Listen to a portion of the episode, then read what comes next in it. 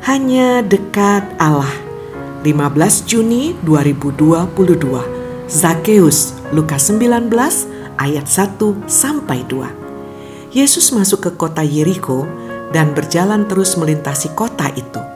Di situ ada seorang bernama Zakheus, kepala pemungut cukai dan ia seorang yang kaya. Demikianlah awalan kisah pertobatan Zakheus menurut Lukas. Ya, nama kepala pemungut cukai itu Zakheus. Agak aneh memang, bahkan bisa menjadi bahan tertawaan. Pemungut cukai kok namanya Zakheus? Zakheus merupakan bentuk Yunani dari nama Zakai dalam bahasa Ibrani yang berarti bersih, tidak bersalah. Dan menurut Stephen Lex, biasanya dipakai sejajar dengan sadik yang berarti benar. Bahasa Indonesia menyerapnya menjadi sadik yang berarti jujur, benar, setia, dan lurus. Mengherankan bukan? Seorang yang namanya berarti bersih, tidak bersalah, ternyata memilih pekerjaan sebagai pemungut cukai. Bisa jadi Lukas pun heran ada seorang pemungut cukai yang tetap saja menyandang nama diri Zacchaeus. Kepala pemungut cukai merupakan petugas lembaga fiskal Romawi.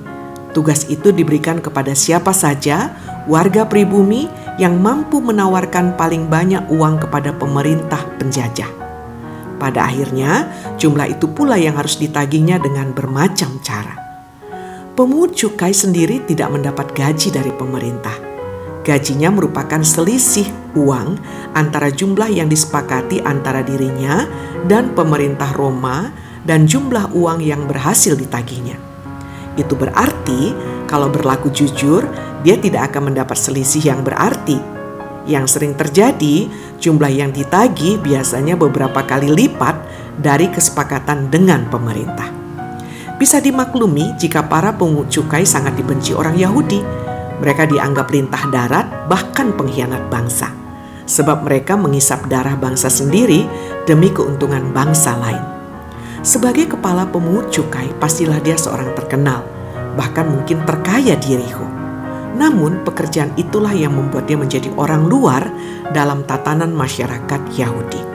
Bahkan ada aturan yang melarang seorang pemungut cukai masuk ke dalam sinagog. Pada titik ini, Zakheus sesungguhnya pribadi yang kesepian. Salam semangat dari kami, literatur perkantas nasional. Sahabat Anda bertumbuh.